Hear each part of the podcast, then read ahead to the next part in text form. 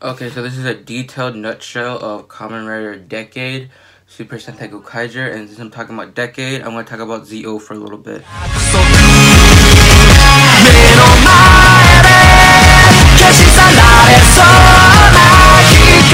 So Kamen Rider Decade is the 10 year anniversary of H something I have no idea. And he travels through other dimensions and he transforms with these cars and a belt and he has and when he goes through the other dimensions he meets other Kamen Riders and then he unlocks their powers and their fi and he unlocks their final forms. Came back to appear in Kamen Rider Zi-O for the 20th anniversary of the same thing. He actually got a new belt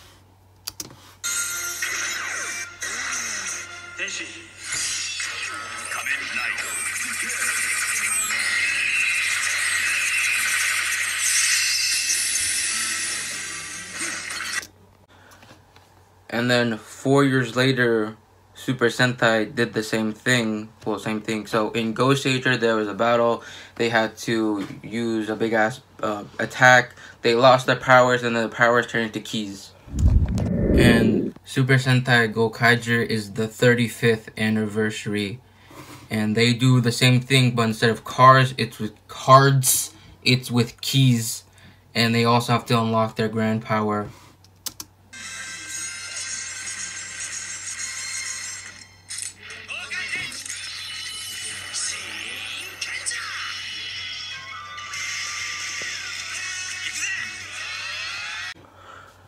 Then 10 years later, after Kamen Rider Decade, obviously it's the 20th anniversary, and then Zi-O does the similar thing, but instead of cards, it's with watches.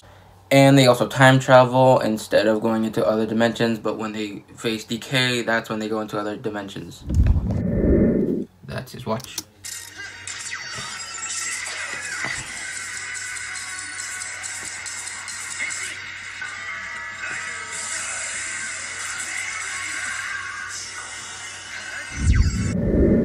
Rider Decade, I say Decade because the way they say it in the show sounds like Decade. He uses his cards to transform into other Kamen Riders. With the white belt, it's from the past, and if it's with the pink belt, it's like from the ones after him.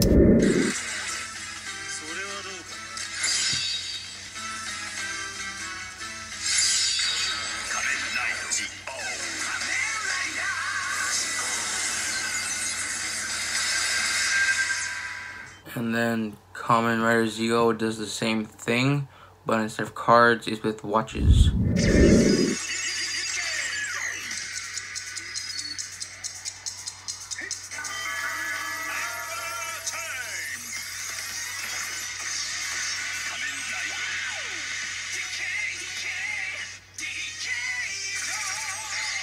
Oh yeah, it's very obvious, but with Kamen Rider uh, Decade, uh, the only difference is the belt, but everything else is the same. But with Kamen Rider Zi-O, everything is like just a suit of armor on top of their uh, already transformed saying suit.